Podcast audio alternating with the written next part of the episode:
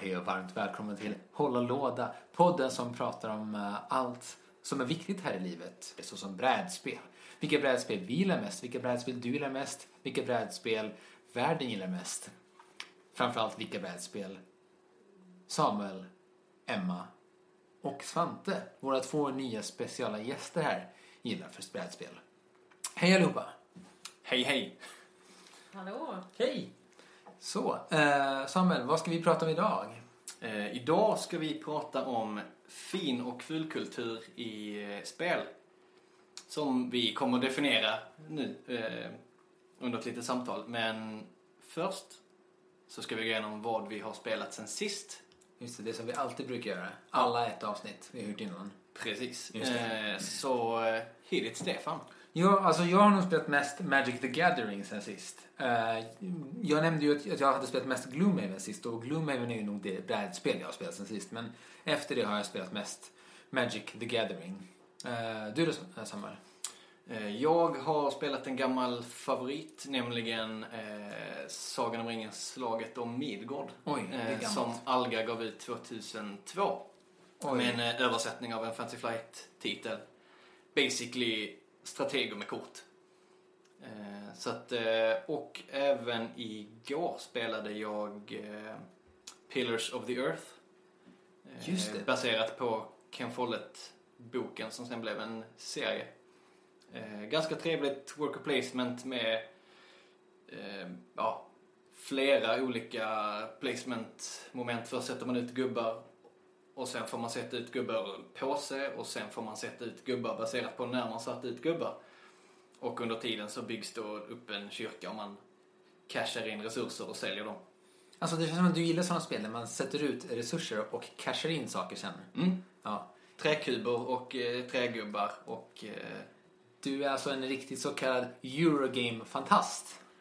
eh, ja, det är väl de spelen jag tenderar att gilla mest. Och jag är nog mer åt en, eh, så som man kallar det, Ameritrash-fantast. Mm. Vi kommer nog återkomma lite mer om vad de här eh, olika teman innebär, betyder och innebär. Men jag tänkte innan det så låt oss presentera våra andra två gäster. Vi kan börja med Emma Bexell. Hej Emma!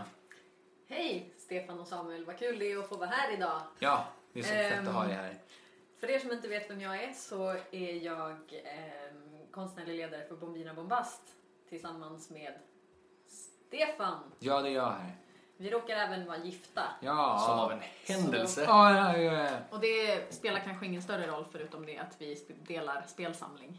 Precis. Eh, Och, garder- och garderob. och garderob. Och frukostvanor. Och det är väl det. Det är väl det. Yrke och spelsamling. Ja. Ehm, jag har sen den senaste Hålla Låda-podden då, får jag väl säga, eh, spelat bara Magic the Gathering. Det har jag å andra sidan gjort varje kväll sen jag senast lyssnade på Hålla Låda-podden. Du ser. Så jag känner mig ganska uppvärmd för det här samtalet. Mm. Även om jag inte riktigt vet hur just Magic the Gathering ställer sig i den här diskussionen. Ja, vi har inte pratat om spelet överhuvudtaget. Så eh, framtida temaavsnitt känner jag. Ja, men kanske, det, här, det kanske är för att Magic the Gathering inte hamnar i så här brädspels ehm, facket generellt utan det är nog mer ett kortspel. Ett, eh, En livsstil. en, eh, Men på sätt och vis Ett är det ju yrke. faktiskt ett, ett, ett brädspel. Det beter sig mycket som ett brädspel om Jo, man tar det gör bort det. samlar. eh, Alltså det intressanta med Magic the Gathering är att det är ju ett grundspel eh, som har x antal regler och sen varje kort bryter mot de guld, eh, guldreglerna, höll jag på att säga, kortreglerna. More or less. Eh, Lite som Time Stories. Det finns, det finns en grund och varje expansion utforskar nya sätt och mixar med den. Så jag kan, man kan helt enkelt bara dra det så här rätt och slätt och säga att Magic är samma sak som Time Stories, typ. Absolut exakt samma sak. Exakt samma sak. Ja, precis or samma. less. Same, same. Eh, vi har vänner som kommer slå ihjäl oss för det här. Eh, vi ska välkomna vår andra gäst här, Svante Back. Hej! Hej! Vad trevligt att ha dig med här. Det är trevligt att vara med här. Hej Samuel. Hej Stefan. Hej! Och hej Emma. Och hej Emma. Så kan inte du berätta lite om dig själv och vad du har spelat sen sist? Ja, ehm, jag är inte gift med någon av er. Eh, men jag... Inte än. Typ, det är bara en tidsfråga. Vänta bara. Vänta Vilket bara. awkward skratt Samuel. Däremot så har vi nog delat en hel del frukostrutiner. Mm. Eh, vi, är väl, vi delar väl yrket också skulle jag säga. Både frukostrutiner och yrke. Det hade, det också säga- kunnat framstå väldigt så här, sexuellt. För vi delar Ja, ja, jo. my- Mycket sex i den här Ja. podden. Vad, är, vad är det jag har kastat mig in i? Ja. Nej, men så vi är väl tillika arbetskollegor och vänner. Mm. Nästan gifta. Nästan. Eh, och sen sist så har jag spelat varenda brädspel jag någonsin har spelat. För jag fick inte vara med sist. Nej. Så jag tänkte räkna upp dem nu.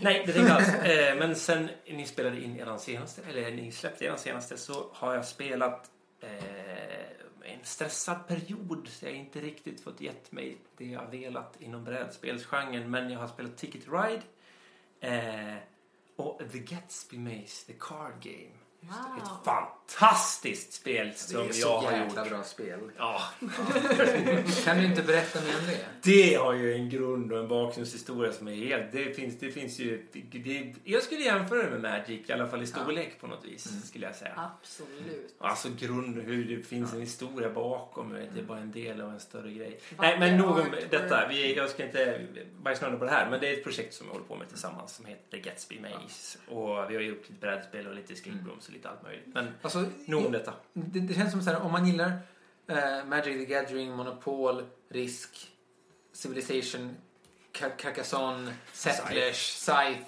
Time Stories så kommer man definitivt gilla Gatsby Maze, The Card Game. Om man tycker om sociala spel överlag. Mest om man gillar ko och love letter. Om man tycker om att dricka öl eller vin. Ja. Eller Nej, kaffe. ja, Då tycker man också om att spela Ja, det här spelet. precis. Om man gillar inredning Gillar Ja. man det här spelet? Det är väl ganska sant. och Gillar att bygga semester? verandor. Semester och sovmorgon och sommarvindar, så är, då är det här också ett spel för dig. Det är det ju. Ja. Men gillar man, eh, vad är det han heter? Min, min idol. Som jag glömmer bort vad han heter. Spiderman. Ja, nej. Fast det hade kunnat vara nära. Donald Trump. Nej, det är fel. Ganska lik en. Han, han som jag gillar. Som, han, som, han som alltid så gör... Han, som- han som kan baka och hålla på med trädgård och blommor och... Ernst. Ernst Ernst. Kirchsteiger. Som, Ah. som är lik Donald Trump. Ja, men han är gammal. Det, det, det, det är två äldre män. Samma frisyr. Samma frisyr, typ. Just det. Äldre man, spännande efternamn. Känns som vi kom lite av här. Ja, Ja. Låt oss gå tillbaka till temat. Eh, men det men att komma av sig i en podd, det känns som att det är en del av en podd. Ja, det är Så sant. Ja, Mycket sant. hela podden Snedtänkt bygger ju på cykelstick. och det konceptet själv inne. Nej, precis. Taget. Varsågod Kalle. Eh, ja, Samuel, vi skulle prata om fin och fulkultur bland spel. Bland, framförallt brädspel och, Ja. eller, eller analoga spel kan man väl kalla det. Ja. Eh, och det är framförallt två stora poler som existerar. Man skulle kunna nästan kalla det som brädspelens Bloods and Crips. Eh, Ja, det, det var så förr i alla fall. Mm. Eh, Det har ju så, börjat luckras upp lite, men innan så var det ju så, de som gillade Ameri-style-spelen, eller Ameritrash som det har kallats så av vissa. kallas, ja. Som typ Arkham Horror och de här mer äventyrs och upplevelsebaserade spelen. Mm. Och de som gillar Ricola och de mer tyska spelen med resurshantering och bönder och svält. Just det. Eh, Ja. så att eh, det är väl de stora liksom, spelfamiljerna. Eh, så det är väl lite det vi ska tala om idag. Eh, så teman och vilka spel som anses fina och var de hämtar sina teman ifrån.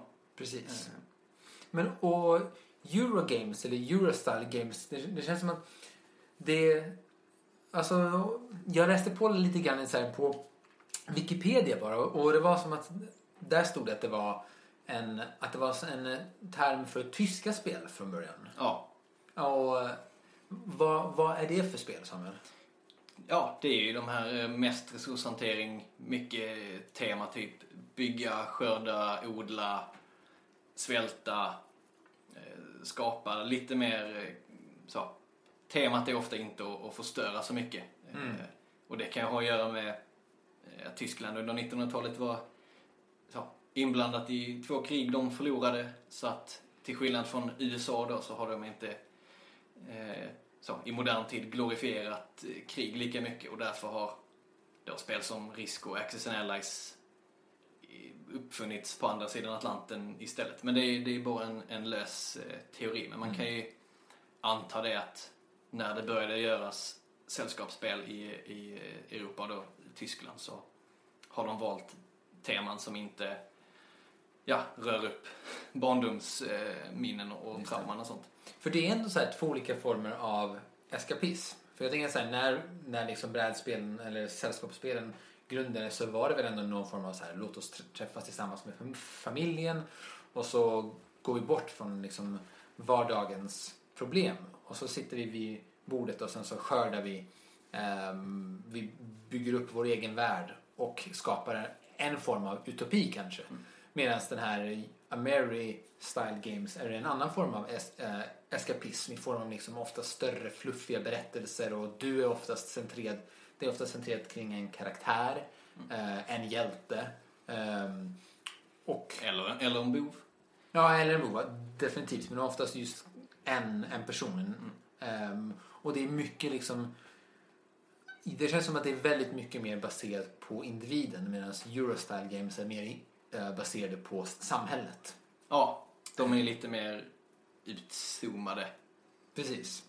Ehm, Alltså av att höra på er liksom bara beskriva det nu så finns det ju ingenting som för mig säger vad som skulle vara fint eller fult av de här olika genrerna. Vad, vad är det som liksom, var, varför är det så att, eller är det fortfarande så att det ena anses finare än det andra? Lite så skulle är det säga ju. det? Ja. Och vilket är det för de som inte lyssnar? På- som på- inte... In, in, innan vi säger, vad tror ni? Eh, vad, vad skulle ni säga själva? Jag känner ju att jag har lite förförståelse i den här. Känner du att du har det? Vad- Ja, alltså jag har absolut en spekulation. En Mm. känsla av vad som skulle, som skulle...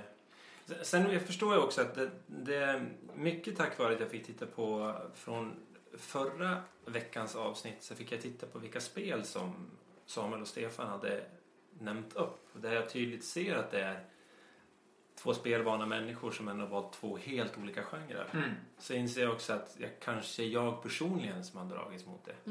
Just Nu, nu droppar jag min bomb och talar om vad jag tänker och tror. Men jag tänker att det som anses vara finkultur är de Eurostyle-gamen som är mer man bygger upp hela världar och man ska ta ansvar för ett helt rike och inte bara sin egen individu- individuella karaktär. Mm. Mm.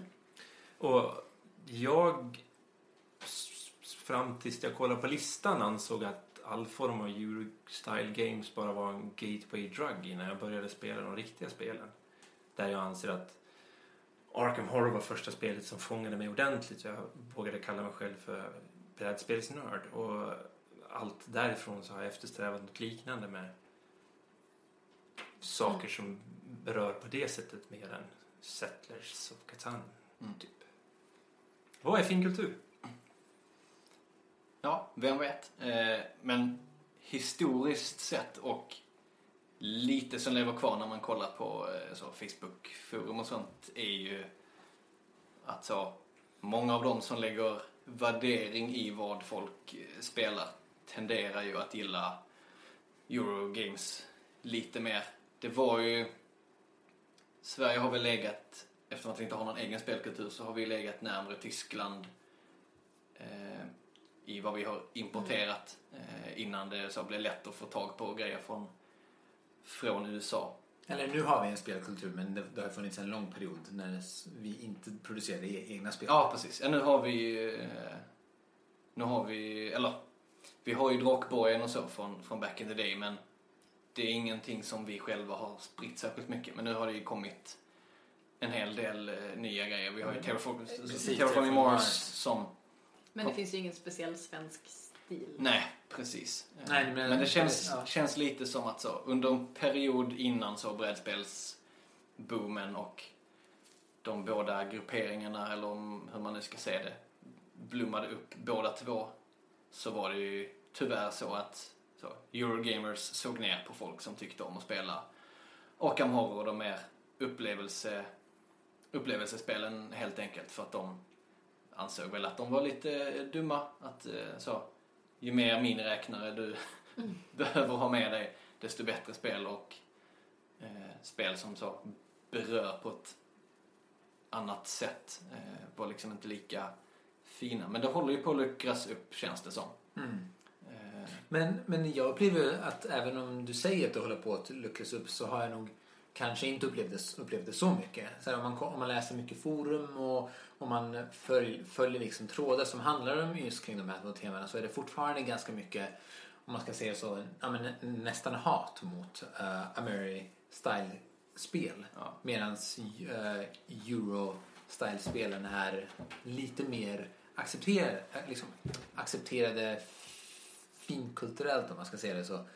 För att det, liksom, för att det, finns, för att det fin- finns en tradition, det finns en historia. Och det, liksom, det känns som att det inte ens är något tal på att vi ska ta in, att, liksom, att det ska bli en, eh, en, en, en, en sån sammansmältning mellan de här två olika genrerna. Utan det, att det snarare är så att eh, de här så kallade Am- Ameri Trash-spelen ska få sin egen skara folk. Mm. Och att de bara ska bli annorlunda än de andra och inte att de ska bli en och, en och samma gäng som alla spelar samma spel. Men är inte den här nya legacy-trenden lite en sån mashup av de två? Att man liksom tar ett relativt enkelt brädspel och sen gör det till ett mer fluffigt. Ja. Eller är jag bara, det var bara en... Jag hör vad du säger. Om man, skulle, om man nu. kollar på Pandemic till exempel, om man skulle kolla på vanliga Pandemic så, så ja, då skulle jag ju kalla det Mm. för ett Eurostyle, men inte Pandemic Legacy. Nej, det blir lite mer, mer fokus på storyn och mindre viktigt vad som händer. Mekaniken sätts ju lite åt sidan i ju mer känslosamt eh, spelet blir. Och det blir ett karaktärsspelande där man försöker följa Ja. sin karaktär Mm. på ett sätt också. Som... Men, men samtidigt, det jag tycker är intressant, det är kul att du tar upp det med legacy-spelen. Där tycker jag, som är så briljanta, där har, har de ju lyckats involvera spelmekaniken som en del av känslofaktorn. Mm. Alltså, in, alltså det är ju det är inte någon större vida story vi snackar om att Pandemic egentligen har som är utöver själva eh, spelmekaniken. Utan det är med ytterst små medel de lyckas förmedla väldigt starka känslor som även är inbakade i liksom, det spelmekaniska. Och det är det som jag tycker är det absolut häftigaste med just Legacy-spelen. Eller kanske just specifikt Pandemic Legacy. Um, Gloomhaven är ju ett, ett totalt annat exempel. Mm. Där, där bygger ju leg- Legacy-elementen nästan bara på the story driven, alltså textbaserade. Mm.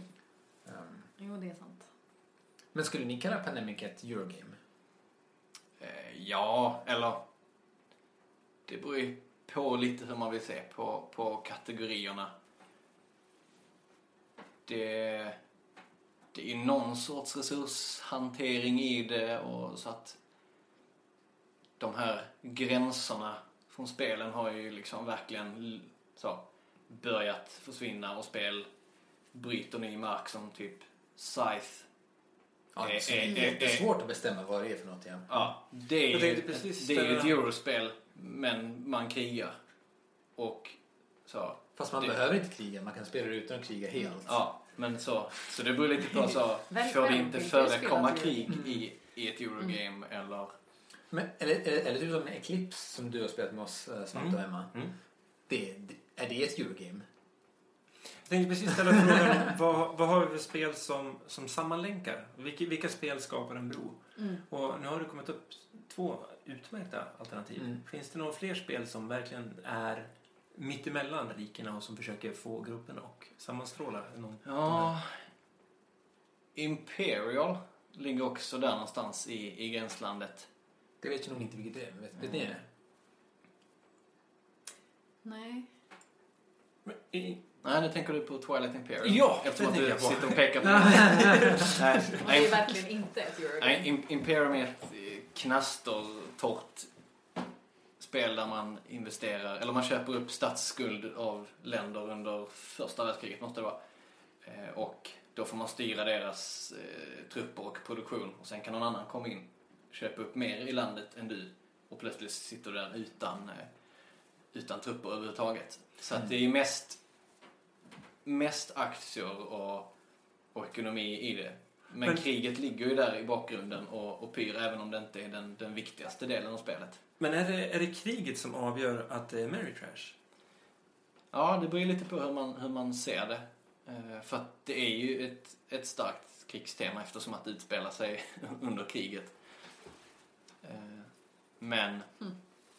i övrigt så är det ju det knastertorraste Eurogamet sen Hansa Teutonica liksom. Så Men, att, eh, men, men, men, men återigen, det är ju det som är...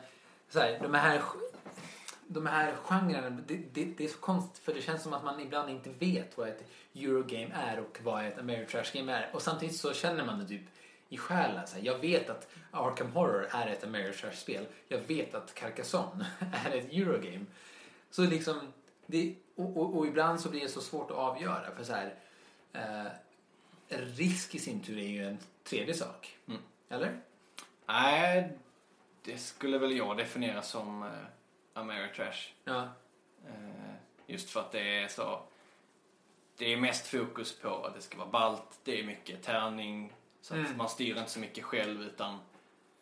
Eh, ja, Just det.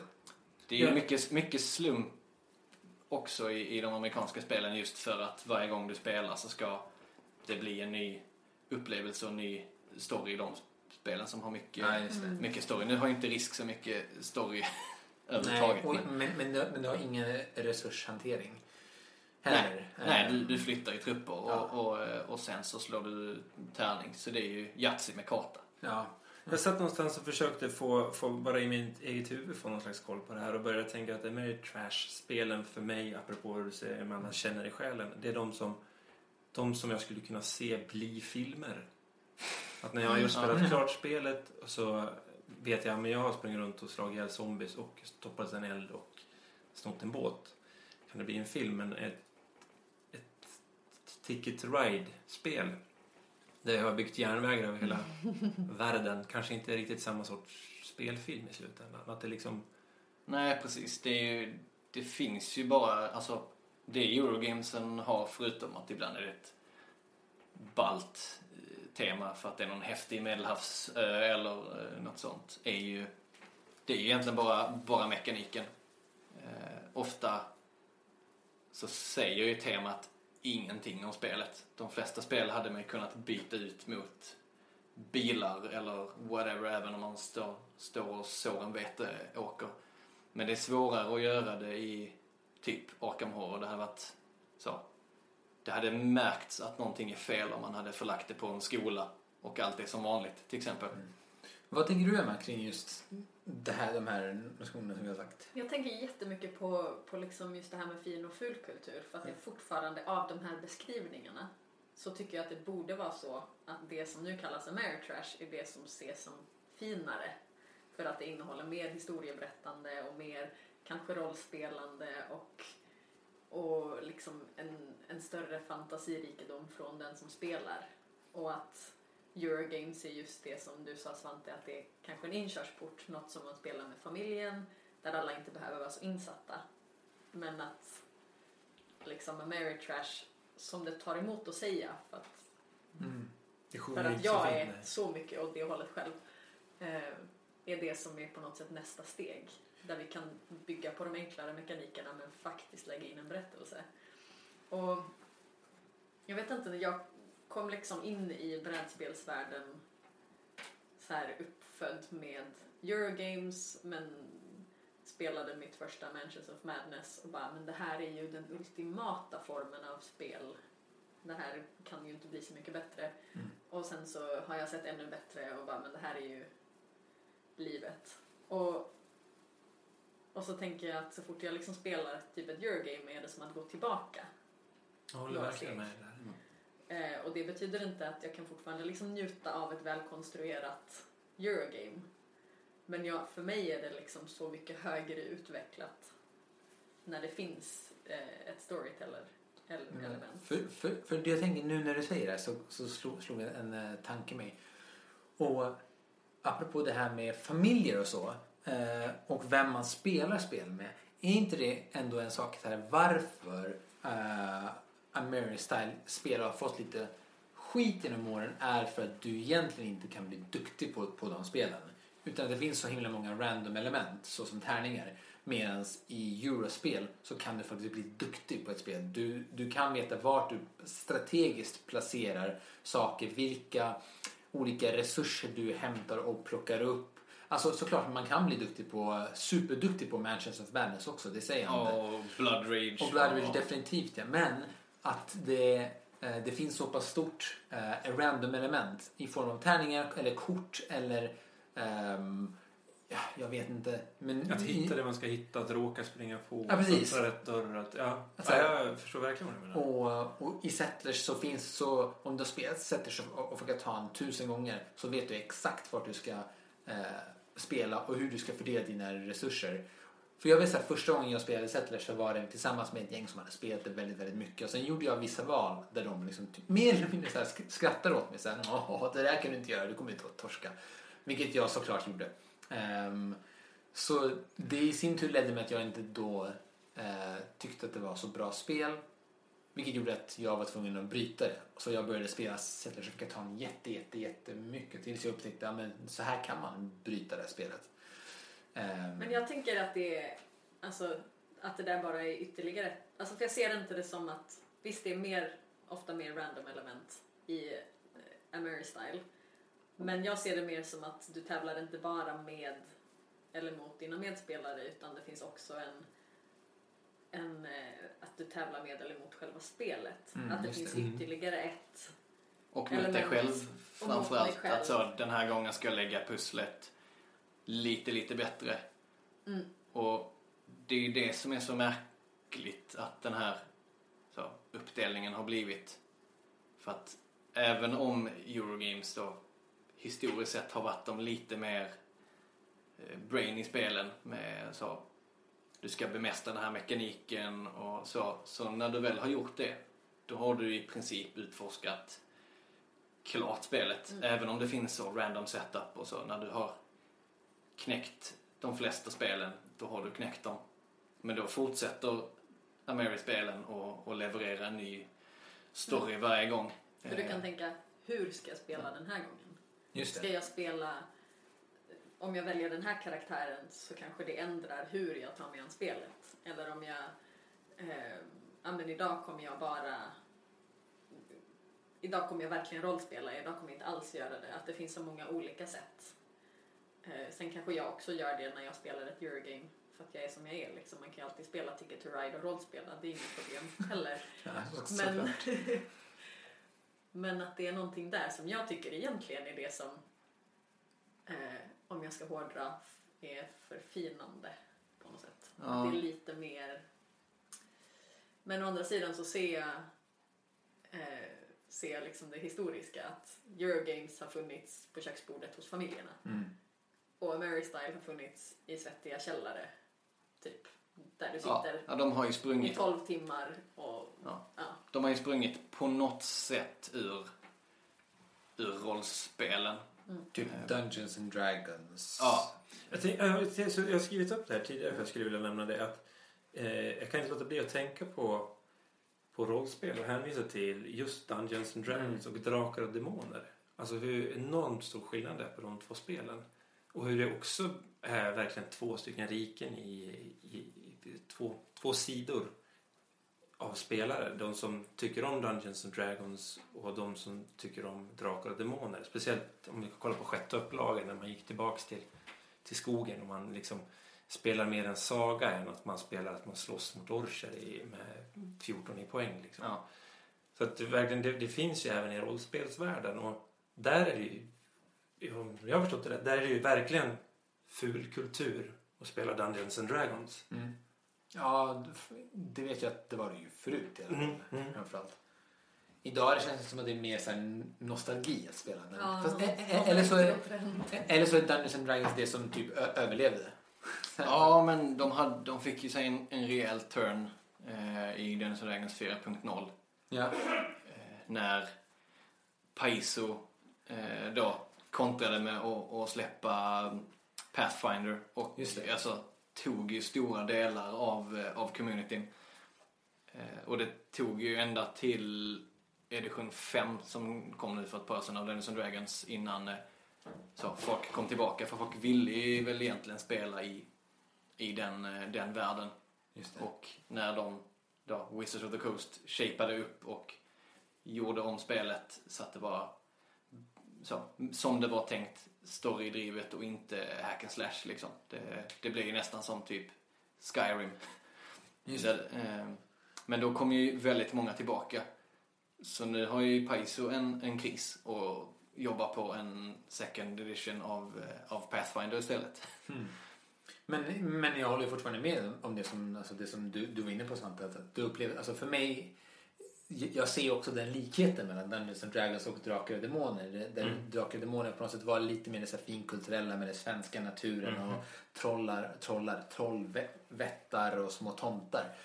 Eh, Det var liksom lite mer så här fint att, att spela det.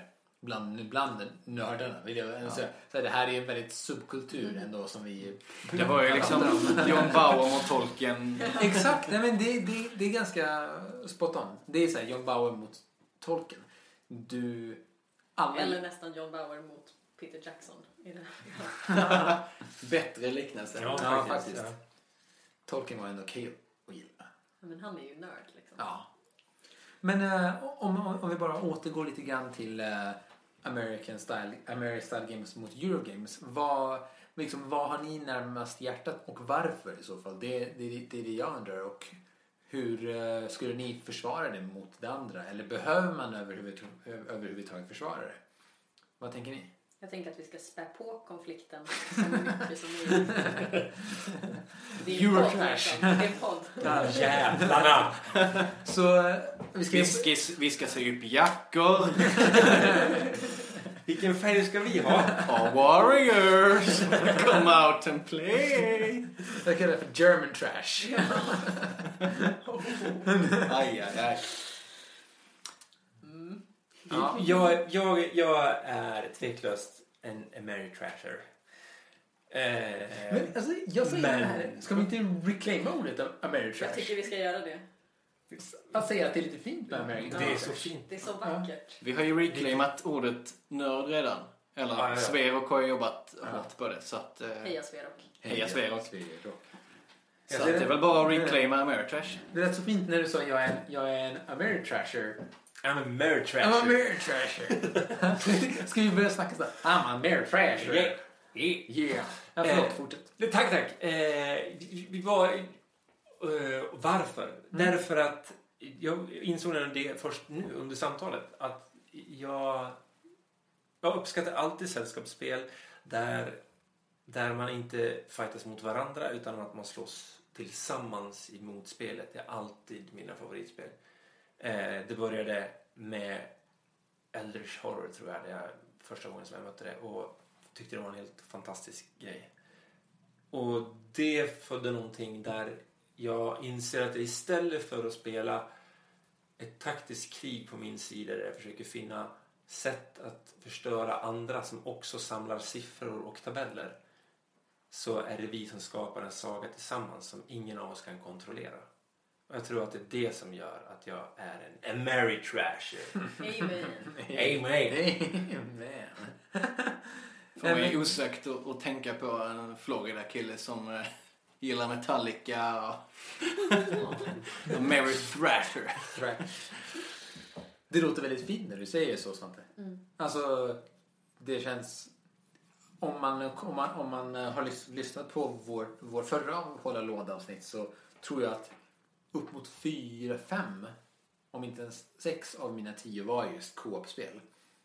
För att jag tycker också om den här, det här samarbetet mot, ett, eh, mot det okända andra istället för eh, att, att gå emot varandra och förstöra det som den andra, andra försöker bygga upp. Vilket är ditt topp 1-spel? Ghost Stories. Just det. Som, alltså, men det här, det, här är, det här är helt sjukt. Jag köpte ju den första expansionen. Eller nej, det är nog den andra expansionen. Jag såg det. Den, den, första, ja, den första har inte kommit. Vet ni vad den, eh, vad, eh, den heter? Black Soul? Black Store, nej Black... Black S- Scars? Black Box. Black Secret. Black Secret. Black Secret. Eh, vet ni, kan ni gissa vad den lägger till? Förutom du som kanske vet. Eller vet du? Jag ska inte spoila. Nej. Vad, Lägger, det, lägger de till att det faktiskt går att vinna spelet? Nej, det gör vi inte. Vad tror du? Eh, oj. Okej, vi har krafter utifrån. Det måste vara någon slags, det måste vara någon slags kom, komplikation från insidan. Ja, det är en komplikation från utsidan. Berätta. De lägger till en femte spelare som spelar Wu. Nej. Jo. Ah. Som får göra massa val. Och det i sin tur, enligt många bloggare, eh, gör spelet lättare. För att du som femte spelaren har helt plötsligt, det är, det är tre spelbräden istället för ett. Och eftersom att du får massa val som Fan så gör du spelet sämre, alltså lättare för Shao eh, Tao-munkarna. För ist- istället för bara att svärma brädan med eh, massa spöken så håller du på att göra massa andra saker. Eh, apropå humorn. Ja. Så de lägger alltså till Dungeon Master-expansionen. Ja. Nu har ju spelet ett par år på nacken men, men så, nästan alla spel som kommer i, i second edition, typ Mansion of Madness och så, som har haft en, en Dungeon Master innan, Ta bort den. tar bort den och ersätter med en app så att det blir full co-op istället. Så det var, det var spännande. Däremot så har jag hört att den andra expansionen som jag också har beställt från Pleoteket, den bästa brädspelsbutiken i Sverige, att, att, eh, att det är bland de bästa expansionerna till ett brädspel någonsin. Oj. White Witch tror jag den och Scar... Nej, inte Scarlet Witch. White det heter White Moon, typ. White, Ja, White Moon kan det White heta. Moon kan den heta. Att det är bland de bästa expansionerna till ett spel någonsin. Cool. Ja. Eh, vi får Det se. är får ett se. eh, stort Det är statement. stort. Ditt bästa spel har en expansion som är den bästa expansionen som du inte har spelat. Ja, sant. Ni borde ha en Jesus. expansionstema på podden. Åh, ja, då kan vi prata om Wind Gambit i 45 minuter. Emma, du då? Eh, jag är helt med på planen att reclaima Eurotrash-ordet. Ameritrash. Eh, ja, nu sa jag till och med fel. till mig. Du var redan Så där. Till mig. Det redan... Eurotrash är väl typ disco. Ehm, inget större intresse av Eurotrash. Däremot trycker jag gärna Ameritrash eh, tröjor. För att du är en Mary Trasher. För det är en sån jag är. Ehm, och det är liksom anledningen till att jag tycker att alla borde spela brädspel. Så är det. Fint. Du då Samuel? Ja. Eh, nu kommer jag här för, för att representera minoriteten. Eh, jag är ju lite kluven, men om jag tittar på spel som jag har gillat mest så är det ju mest resurshanterings och, och, och Eurogames. De flesta av dem. Eh, just för att så, jag är aldrig särskilt duktig på dem. Ehm, och det tar väldigt lång tid för mig att bemästra dem. Och det är nog det jag gillar, att så, man får spela ett spel väldigt många gånger innan man liksom knäcker det. Ehm, så jag, jag gillar ju väldigt mycket att utforska eh, så, det bakomliggande. Ehm, det är samma när jag så, ser film eller läser böcker som är så i fantasyvärld att jag är, jag är mer intresserad om typ historien bakom Väderklint när jag läser Sagan om ringen än eh, vad liksom Mm. Frodo gör. Eh, Så att jag uppskattar till exempel Silmarillion mycket mer än, än liksom eh, en Sagan om ringen just för att det är bara en, ett staplande av fakta. Att så här, detta hände, därför ser saker ut så här. Så att eh, för mig är det nog för det mesta Eurogames. Eh, vilket inte för den delen betyder att jag inte uppskattar eh, The Occasional Ameri Style-spelet. Men eh, ja, jag får nog eh, stå i, i Eurohörnet där. Jag respekterar allt du säger och förstår vad du menar. Eh, jag, jag har en logisk sida i mig och en, en lätt OCD-touch som borde göra att jag egentligen skulle vara intresserad av det där. För jag hör vad du säger och jag förstår det. men... Eh, men ja, okej. Ja, ja. Det, det är inte så långt bort i alla fall. Jag, är inte, jag, jag, jag går tillbaks i kriget. Jag tänker inte slåss för en större klyfta. Jag slåss för motsatsen. För att du sa så fint. Tack. Men jag, jag tänker, jag håller nog mer eh, med båda att det handlar inte så mycket om att så här, sl- slåss för klyftan utan snarare så här att på något sätt för, för min del inte förminska Eh, uh, American Trash-spelen. För att det fortfarande ger någonting som är som kan bli väldigt fantastiskt och det är just de här historierna. Uh, för det är så här, återigen, jag kan inte beskriva tillräckligt många gånger uh, den känslan som jag hade med, med mitt spelteam när vi spelade Time Stories och vi får reda på en sak som jag inte ska spoila nu och alla ställer sig upp eh, alltså från brädspelsbordet och börjar skrika rakt ut i tomma intet och säger nej de kan inte göra så här, det är helt otroligt. Det är liksom, sådana saker upplever man inte i ett Eurogame, tänker jag. Nej, det är sällan man... Förutom, eh, då, då ser, nej, men då ser man, hur kunde du göra något sånt här mot mig? Eh, alltså, man kan ju skrika på varandra i ett Eurogame, men då blir det oftast lite en annan, en annan ton. Liksom. ja. Jag har ett minne av att vi spelar Time Stories eh, och kommer fram till ett sånt kritiskt beslut att vi, vi tar paus trots att det var några minuter kvar att spela. Ja. Och kommer tillbaka efter fyra timmar och har någon slags omröstning som ändå inte går igenom. Mm. Så jag, jag, jag uppskattar verkligen den här biten där ett spel kan följa mig så totalt. Och jag tror att jag gör ett val som är så enormt viktigt. Mm. Och för mig är det helt omöjligt att man sen skulle kunna slå ihop regelhäftet och avsluta och sen så gå tillbaka och läsa regelhäftet för att se alternativet. För min historia är redan byggd. Mm. Och det, det är en sån fin sak. För jag förstår att min historia är annorlunda från alla andras.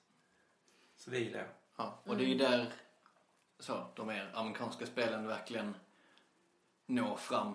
Alltså, det, alltså folk kan ju liksom vid kaffeautomaten på jobbet så berätta så vad som hände igår när de spelade ja, Arkham Horror eller eh, ja, vilket annat spel som helst och liksom dra det som en, som en story. Men det är ju sällan någon som står och skryter med hur, hur mycket kuber man hade staplat. eh, Liksom.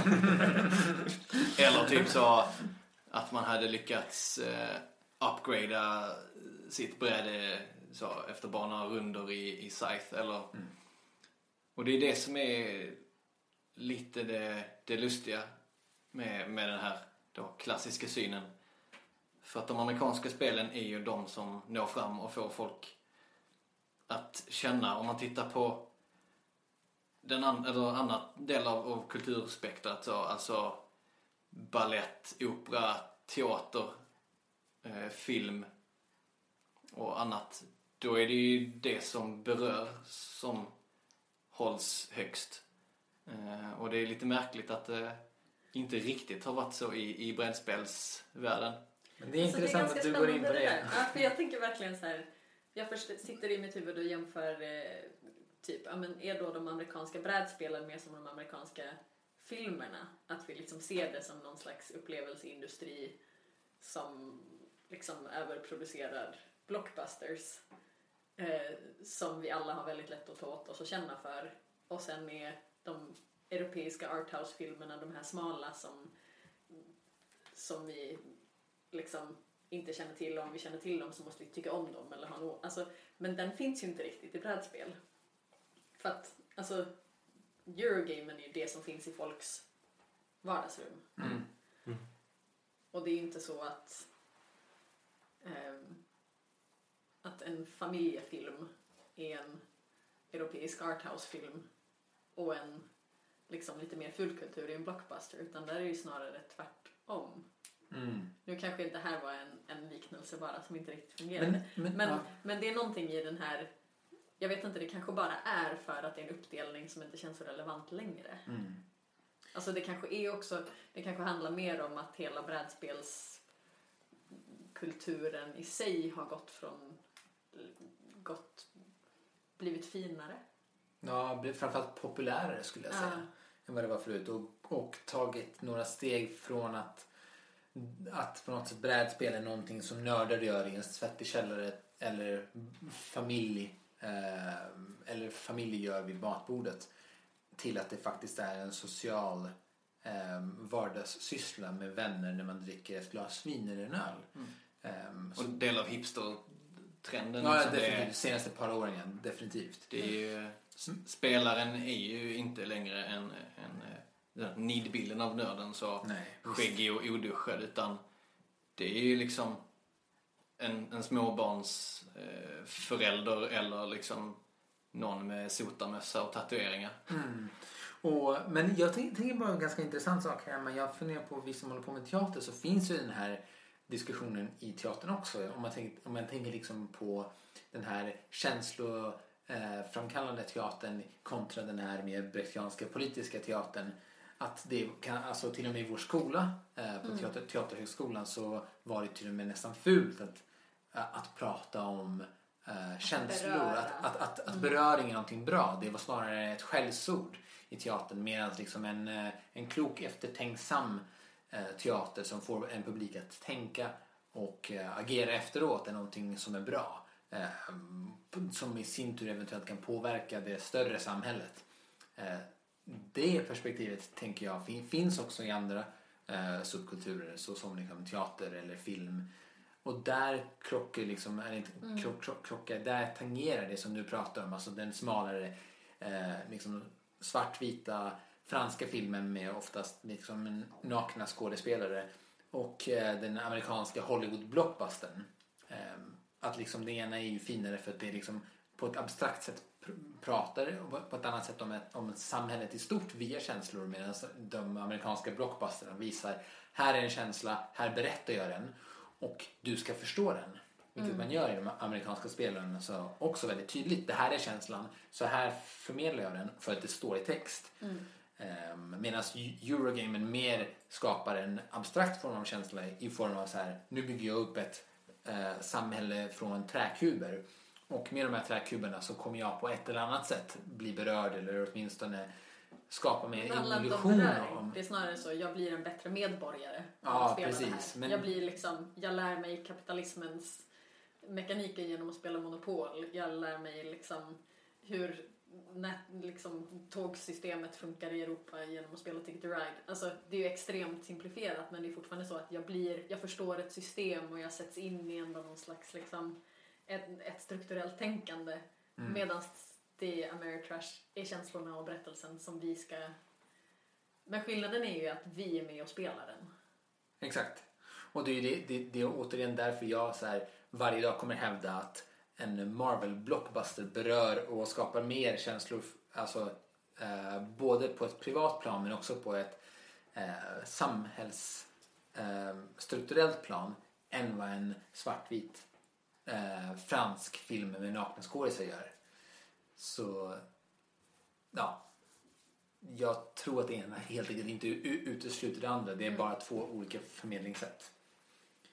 Ehm, men och det är där jag tror att legacy-spelen, återigen, bara för att koppla tillbaka, kom, är en bra klyfta och en bro från det ena till det andra. Att det kommer liksom, framförallt de förhoppningsvis kommande legacy-spelen kommer vara någon form av liksom um, alltså ytterligare utvidga ber- berättarformen och se vart liksom brädspelen kommer landa och hur historieberättande kan um, helt enkelt berättas i framtiden.